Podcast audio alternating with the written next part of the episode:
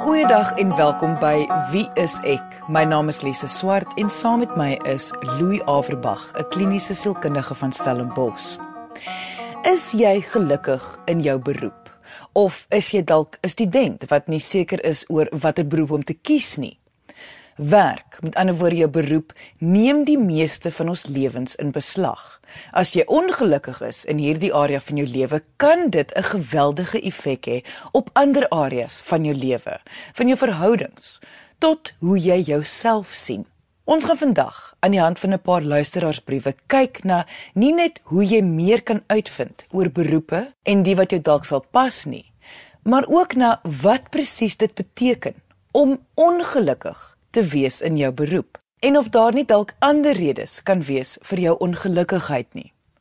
Kom ons luister na ons eerste brief van die dag, voorgeles deur ons assistent Monica. Louie en Lise. Ek is onderwyseres by 'n laerskool in 'n pragtige Bolandse dorpie. Ek is nog net 6 maande in my pos, maar het nou tot my skok besef dat ek die verkeerde beroep gekies het. Dit ontstel my geweldig want al wat ek nog ooit wou geword het, was 'n onderwyseres. Waar al my vriende op skool teen graad 10 nog geen idee gehad het watter vak om te kies nie, het ek al in graad 8 geweet. My ouers wou gehad het dat ek iets anders moes gaan studeer, want dit is moeilik om werk in die onderwys te kry en die geld is nie die beste nie, maar ek het eenvoudig nie ingegee nie. Ek het geweet ek wil 'n laerskoolonderwyseres word. Nou dat ek na jare se tyd en geld uiteindelik blykbaar my droom uitleef, is dit glad nie wat ek verwag het nie. Almal by die skool is altyd ongelukkig oor iets. As dit nie die onderwysers is nie, is dit die ouers. Die kinders is lieflik, maar sodra die klok lui vir pouse, is ek gespanne daaroor om na die personeelkamer te gaan. Ek het nog geen vriende gemaak by die skool nie. Almal is vriendelik met my, maar ek kan aanvoel dat ek die groentjie is en dat ek nog niks van die lewe weet nie. Ek mag nie eens my keuses maak oor die kinders, die lesse, niks nie. Alles word vir my voorgesê, asof ek nie opgelei is nie. Na 6 maande is ek so moeg en hartseer. Duidelik is hierdie lewe nie vir my bedoel nie. Louie en Lise, wat moet ek doen? Waar begin 'n mens nou weer van voor af om 'n nuwe beroep te kies? Louis, wanneer jy hierdie brief so luister, wat hoor jy? Is sy werklik ongelukkig met haar beroepskeuse? Nee, dis nie wat ek lees nie. Dit klink asof sy onderwys of laerskoolonderwys regtig as 'n beroep sien en al van kleins af as 'n beroep gesien het. En by 'n beroep beteken dit dis amper meer as 'n werk, dis nie net 'n manier wat jy 'n inkomste verdien nie. Jy voel jouself geroepe of sy het haarself geroepe gevoel om 'n onderwyser te word.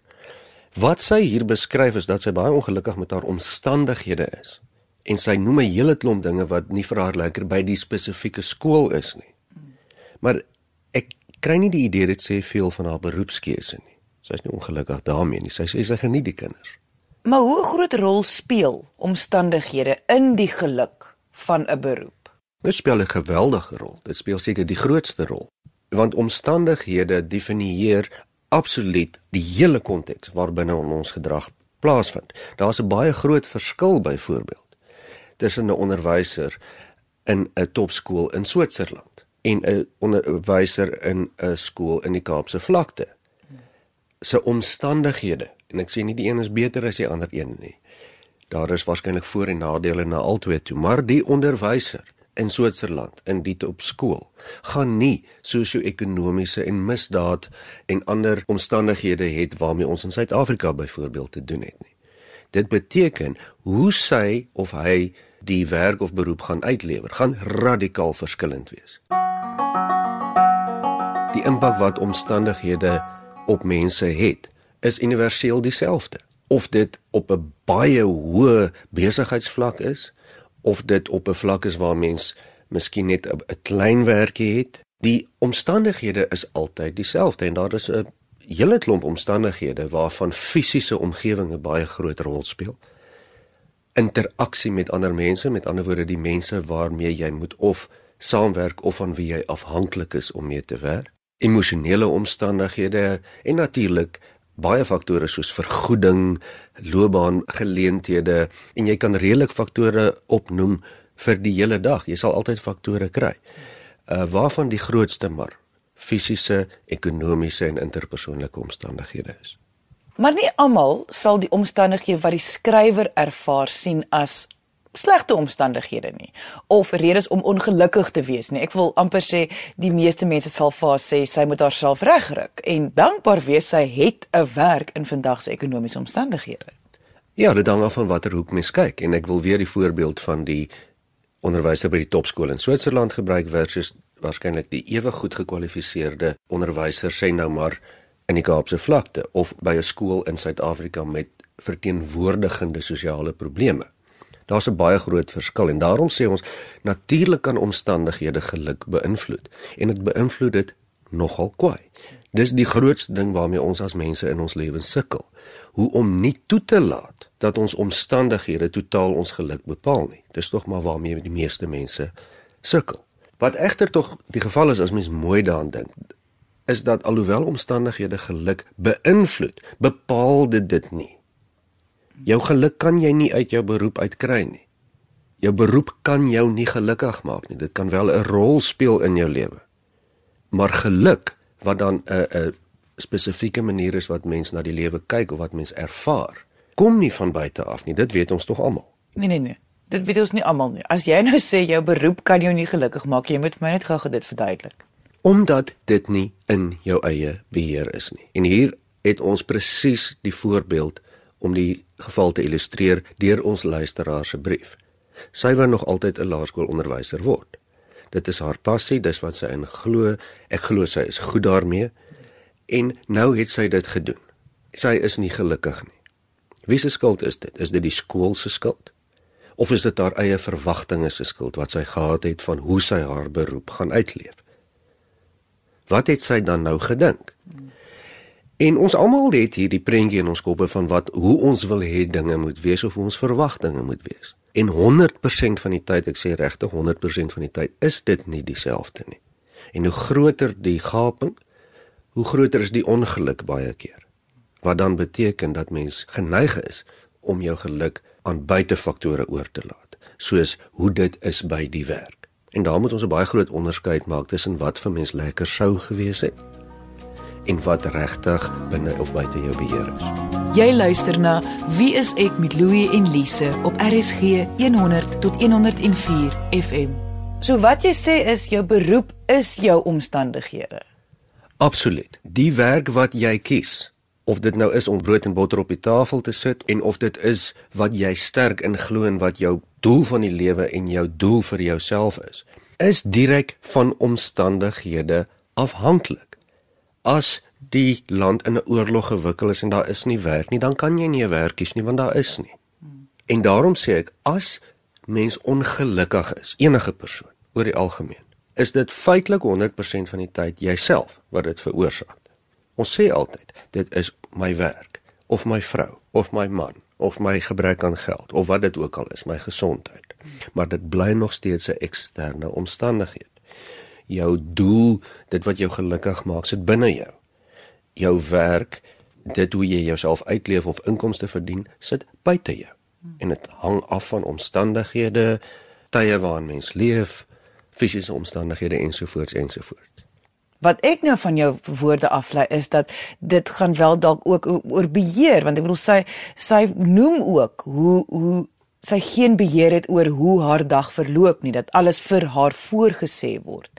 En soos jy nou praat, dink dit ook vir my dit pas daarin dat dis as gevolg van die feit dat sy ook geen beheer het meer nie. As as sy so of eintlik sonder sy besef opgegee het op op enige beheer neem. Absoluut. Ek stem saam met jou want Ek het nuus vir haar en dit is nie op 'n lelike manier bedoel nie. Dit wat sy beskryf van hoe dit by haar skool gaan, dit is hoe die lewe is. Dis hoe die beroepslewe is. Daar's altyd mense wat nie van jou hou nie. Uh dinge loop nie altyd soos jy dit wil hê nie. Dit beteken wat sy dan insinieer hier sonder dat sy dit noodwendig bedoel het, is as almal mooi saamwerk en die buitewêreld staan mooi in 'n ry, dan sal sy gelukkig wees. Maar as dit nie die geval is nie, gaan sy nie wees nie. En duidelik dan beteken dit mos nou sy het nie beheer oor haar eie geluk nie. Niemand van ons het 100% beheer oor ons eie geluk nie. Daar is mos nou eksterne goed wat gebeur.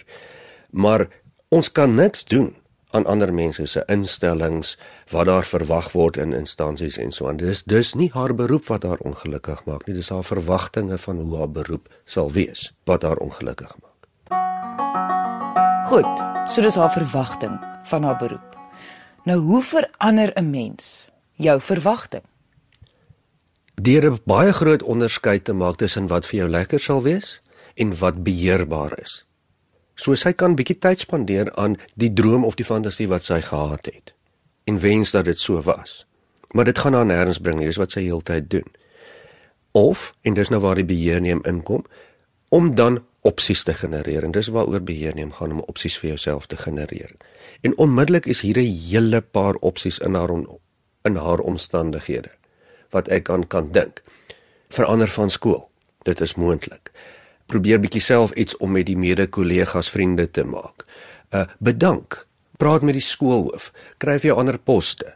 Studeer verder. Daar's dis baie baie opsies.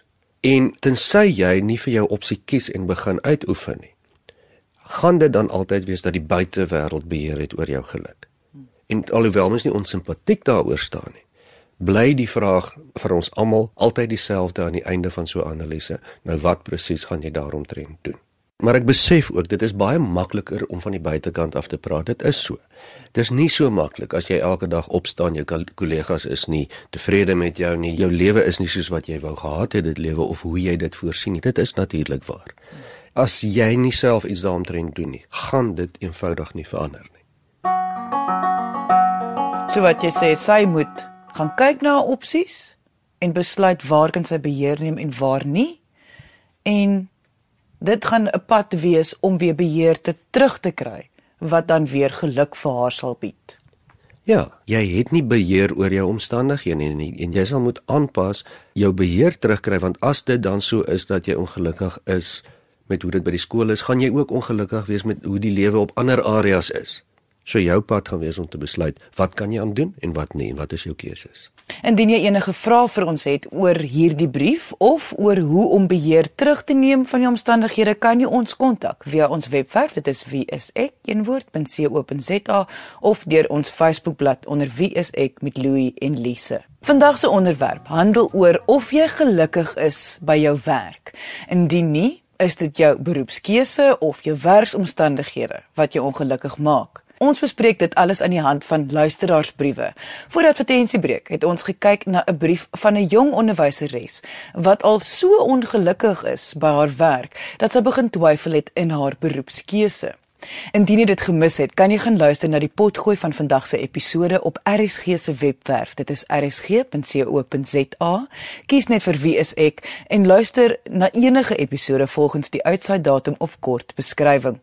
Kom ons luister na die volgende brief van die dag, voorgeles deur ons assistent Monica. Goeiedag Louie en Lise. Ek is 'n man. Ek is 38 jaar oud en ek is 'n chemiese ingenieur. Ek wil my beroep verander. Nie net van maatskappy of dorp nie, maar ek wil heeltemal van voor af begin. Ek het ingenieurswese gaan studeer want my pa het dit van my verwag. Nou dat hy al 5 jaar oorlede is, wonder ek nie of my droom op skool van argitek wees dalk nie die beste keuse was nie. Ek is vreeslik gelukkig by die maatskappy waar ek werk. Ek sien daarna uit om my kollegas daagliks te sien, maar ek sien vreeslik op na die werk. Ek vind dit regtig vervelig. Nou is ek bang ek verander alles en argitektuur is ook nie die regte keuse nie. Wat dan? Hoop julle kan help. Dankie. Indien jy wil hê ek en Louie moet jou brief, storie of vraag hier op Wees ek bespreek, kan jy ons kontak deur ons webwerf wieisek.co.za of gaan na ons Facebookblad onder Wie is ek met Louie en Lise. Onthou alle briewe wat bespreek word sal anoniem bly. Louis, hierdie brief is vir my letterlik die teenoorgestelde van die eerste brief. Dit klink vir my ook so. Dit klink soos iemand wat baie tevrede is met sy omstandighede op 'n manier, maar nie met sy beroepskeuse nie. Hy voel sy droom van argitek word is dalk die antwoord, maar dit beteken hy sal weer moet gaan studeer en dit beteken geld en tyd wat hy hierop sal moet spandeer. Dit alles op 'n droom wat dalk dieselfde gevolge kan hê as om 'n ingenieur te word. So hoe nou? Hoe kan hy verseker weet argitektuur is vir hom bedoel? Kyk in sy geval sal ek nie enige kanse vat nie. Ek sal objektiewe inligting inwin. En as ek praat van objektiewe inligting, sal mens eers kyk na sy veld in die ingenieurswese. Met ander woorde, is dit nou net 'n sekere area in die ingenieurswese wat hy mee ongelukkig is? Of is dit ingenieurswese oor die algemeen? Dis vrae wat hy beter sal kan beantwoord as ons almal. Maar die feit dat hy te voor skryf en hy sê dat hy is 'n ingenieur en hy wou nog altyd 'n argitek word, dit voel vir my eh, is die kans nie groot hy sou al gekyk het na die verskillende vlakke van ingenieurswese nie. Dalk, maar nie noodwendig nie. Mens sal so dink. Maar ons as mense dink gewoonlik nie baie helder oor onsself nie. Ons is goed om raad te gee vir ander. Ons almal sê dit ook, ek en Kluis. Dit is vir ons makliker van die kantlyn af om 'n ding raak te sien. En ja, dit is nie noodwendig so maar kom ons aanvaar dan. Hy het reeds die hele veld van ingenieurswese goed deurgekyk en hy weet verseker dis nie wat hy wil hê nie. Dan gaan die objektiewe inligting baie baie nodig wees om te kyk hoe hy pas by argitektuur. Nou moet ons mooi kyk wat beteken pas. Op sy ouderdom gaan ons nie te veel bekommerd wees oor sy vermoëns nie. Ons sal aanvaar dat hy die vermoë om 'n argitek te kan wees as hy die vermoë het om 'n ingenieur te kan wees. Ek praat van verstandelike vermoëns. Ons sal ook nie vreeslik objektiewe inligting nodig hê oor belangstelling nie want hy is oud genoeg om dit sommer self direk te kan sê hy stel belang in die veld van argitektuur. Hy hou daarvan. Waar sy onsekerheid lê is in die vraag wat hy vra is argitektuur dan die regte keuse vir my? Die regte keuse in sy geval gaan impliseer pas dit by hom, maak dit hom gelukkig. Op sy vlak van funksionering sal mens objektiewe inligting moet kry oor sy persoonlikheid en wat vir my belangrik is genetiese voorkeur tipe die twee faktore wat myns insiens vir hom by verre weg die belangrikste gaan wees om te bepaal of argitektuur by hom gaan pas of nie. Praat ons nou hierso van aanlegtoetse uh, dit is wat ek tog gedoen het toe ek nou in graad 8 of 9 was om seker te maak uh, van my beroepskeuses. Nou uh, is dit nou waarvan ons praat, daai tipe toetse. Ja, ek praat van psigometriese evaluering wat vir hom objektiewe inligting sal gee.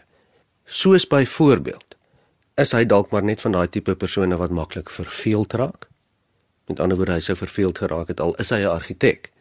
Of is dit die aard van ingenieurswese wat hom verveel. Met ander woorde, hoe hy met inligting werk, hoe hy probleemoplossing doen ensovoorts. En dis als areas wat gemeet kan word. Dit is die goed waaroor ons wonder as ons ideale keuses het. En baie keer het mens nie. Uh partymal moet jy eenvoudige werk vat wat jy kry omdat jy die inkomste moet kry. In sy geval sê hy, klink dit vir my of hy die lekse het om te kan verander as hy wil en, en dit impliseer natuurlik groot besluite, groot finansiële besluite impak op die res van sy lewe. En dan is die eerste prys gaan na sielkundige toe doen objektiewe psigometriese assessering wat vir jou antwoorde gee sonder spekulasie op spesifieke areas. Soos jou loopbaan ankers dit wat jou anker in 'n loopbaan dit wat vir jou belangrik is ensovoorts. Dat jy stel inligting het waarmee jy kan werk om jou besluit dan verder te maak Jy luister na Wie is ek met Louie en Lise op RSG 100 tot 104 FM. Wat is die belangrike areas om in ag te neem wanneer jy besluit op 'n beroep? Dit gaan baie afhang van jou ouderdom en jou lewensfase. As jy besluit op 'n beroep op 17, 18, 19, is dit nogal baie anders as ons briefskrywer wat eh, wat feitelik amper in sy middeljare is, nê. Nee. Nou goed, die belangrikste area is as mens geen inligting het nie, as mens van 'n blanko vel afwerk en jy wil besluit oor 'n beroep, dan is daar baie faktore waarvan die volgende paar regtig nogal belangrik is. Die een sal wees presies wat is jou vermoëns? Waarmee is jy goed? Is jy goed meer met syfers? Is jy goed meer met patrone bymekaar sit? Is jy goed met abstrakte redenering? Is jy meer goed om prakties goed bymekaar te kan plaas en te kan uitwerk? So wat jou vermoë is, waarmee jy goed is, waarmee jy nie so goed is nie, is 'n belangrike faktor. Natuurlik, jou belangstelling is 'n geweldige groot faktor. Jou belangstelling gaan bepaal waar jou aandag gaan lê, soos sy aandag by argitektuur lê. Daar's iets wat hom prikkel. Nou weer eens en ek bring ons net terug na ons vorige briefskrywer toe. Dis nie argitektuur self wat hom prikkel nie, dis sy verwagting of sy persepsie van argitektuur Goed, so ek moet mooi kyk. Mense wil graag weet nou wat presies stel jy in belang? Wat prikkel jou? Persoonlikheid? Hoe jy is? Is jy meer skaam? Is jy meer uitgaande? Is jy meer dominant? Is jy meer emosioneel oor die algemeen? Jou persoonlikheid, die algemene ding wat ons van mekaar af weet, wat mekaar goed ken. Hoe jy is. Nou jy kan nou self dink. As jy byvoorbeeld 'n meer skaam, teruggetrokke persoon is wat nie baie van sosiale bedrywighede hou nie. En daar's niks meer verkeerd nie, dis nie reg of verkeerd nie. Maar jy wil graag 'n toneelspeler word of 'n filmster. Dan kan jy mos nou sien jou persoonlikheid pas nie so lekker by die realiteit daar buite wat dit gaan verg nie, nê. Sê niks van jou vermoëns nie. Sê ook niks van jou belangstellings nie, maar dit sê iets van jou persoonlikheid pas nie met daardie wêreld nie. En dan die aspek wat vir my persoonlik die heel belangrikste is, voorkeur tipe wat amper 'n ingebore skale is. En daar kyk ons na vier skale en hierdie goed, soos ek sê, kan alles gemeet word. Ons kyk na jou neiging van interaksie waar jy energie vandaan kry meer by mense of weg van mense af, hoe jy met inligting verkies om te werk gegaan en terloops as mens na voorkeur tipe kyk, dan is die ingenieur manier van met inligting werk en argitek manier van met inligting werk amper twee teenoorgestelde pole waar die een baie met detail in die oomblik werk en die ander een meer in breë konsepte. Hmm hy kyk ook na hoe jy verkies om opinies te vorm of en natuurlik ook hoe wat, hoe jy hoe gestruktureerd jy lewenstyl verkies of nie. Nou sit mens al hierdie goed bymekaar. Dan kry mens darm 'n goeie idee waar jy kan heen gaan en hier is die refleksie terug op ons eerste briefskrywe waar jy geluk kan vind. Waar dit vir jou makliker gaan wees om gelukkiger te wees as wat dit gaan wees in 'n ander beroep. Wat sou gebeur as hy nooit hierdie groot verandering wil aanpak nie? Ek bedoel, is dit 'n probleem as hy in 'n beroep sou bly wat hom nie kom ons sê nou tussen aanhalingstekens gelukkig maak nie? Ja, natuurlik is dit 'n probleem want dit sal sy lewenskwaliteit verlaag. Dit sal dit nie noodwendig verlaag tot op die punt wat hy nie kan eh, bestaan of of lekker funksioneer nie, maar die lewe sal dan vir hom minder lekker wees as daar enigsins 'n opsie is, as daar beheer oor kan wees, sal hy mos dan vir homself meer geluk in sy eie beheer kan neem as hy van werk verander en hy kan dit doen. En weer eens, ons sê nie dit gaan vir hom geluk gee nie, dit sal hom meer gelukkig maak. So wat jy sê is dan bring 'n mens dit nou terug na die eerste brief indien jy wel in 'n beroep is waar jy nie dit kan verander nie waar jy wel nou voel jy is ongelukkig dan is dit presies wat ons in die eerste brief gesê het, dan moet jy opsies genereer om bietjie beheer terug te neem om weer geluk te vind. Ja, waar dit vir jou moontlik is en dis verbasend hoe baie opsies daar beskikbaar is as mens regtig druk daarvoor. So al kan jy nie altyd nou net links en regs van beroep verander soos dit vir jou lekker is nie. Kan jy binne jou omstandighede Met ander woorde binne dit wat jy nie kan beheer nie, kan jy geweldig baie beheer vat met die opsies wat binne dit lê. Soos wat jy kan doen, wat jy kan sê, hoe, wat jy nie kan doen nie. Hoe jy jouself kan handhaaf ensovoorts ensovoorts ensovoorts. So wat hierdie brief op neerkom of die antwoord vir hierdie skrywer is in sy spesifieke geval, maak eers seker of argitektuur by jou gaan pas. Ja, gaan kry inligting. In jou geval objektiewe inligting wat op jou beroep en jou pas met jou beroep reflekteer sodat jy baie makliker jou keuses kan maak. En daar is sielkundiges wat daarin spesialiseer en dit behoort vir jou baie baie van jou vrae op te los en vir jou rigtingaanwysers. Dit gaan oor 'n rigtingaanwyser. Jy gaan nog steeds self moet besluit. Die tyd het ons ingehaal. Indien jy enige vrae oor enige van die onderwerpe het wat ons vandag hier op Wie is ek bespreek het, kan jy ons kontak deur ons webwerf. Dit is wieisek.co.za of deur ons Facebookblad onder Wie is ek met Louie en Lise. Dankie dat jy vandag ingeskakel het. Ons maak weer so dieselfde tyd volgende week net hier op RSG. Jy moet 'n heerlike naweek hê he, en onthou, kyk mooi na jouself.